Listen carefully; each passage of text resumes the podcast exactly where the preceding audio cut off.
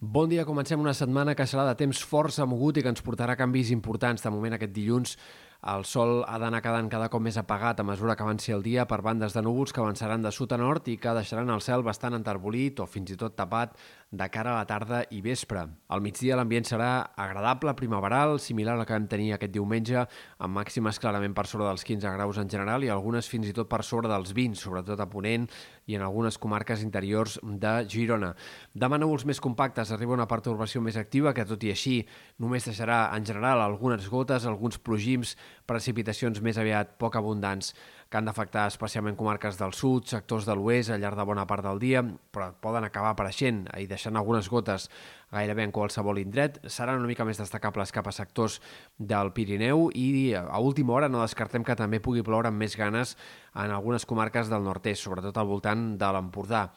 Eh, de cara a dimecres, nova situació de núvols abundants i a última hora, en aquest cas, o a mesura que avanci el dia, els ruixats aniran tornant a guanyar protagonisme, primer al Pirineu, però després cap a sectors també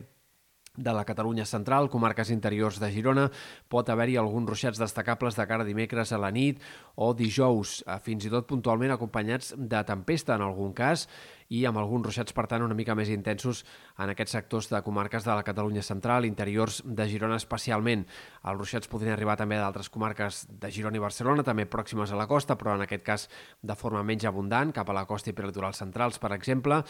I de cara a la segona part de la setmana el que estarem pendents sobretot serà d'una entrada d'aire fred important que ens tornarà cap a l'ambient de ple hivern i que provocarà temperatures clarament baixes per ser ja a principis del mes d'abril. Haurem d'acabar de veure com es perfila aquesta entrada d'aire fred de cara a la segona part de la setmana, però és bastant possible que tinguem glaçades eh, significatives en punts del Pirineu, Prepirineu, Catalunya Central, de cara a divendres i l'inici del cap de setmana, i veurem fins a quin punt aquest fred pot fer-se protagonista i pot provocar eh, problemes a l'agricultura pel que fa a glaçades tardanes més extenses. El que sí que queda clar és que a partir de dijous entrarà amb força el vent de mestral, el vent de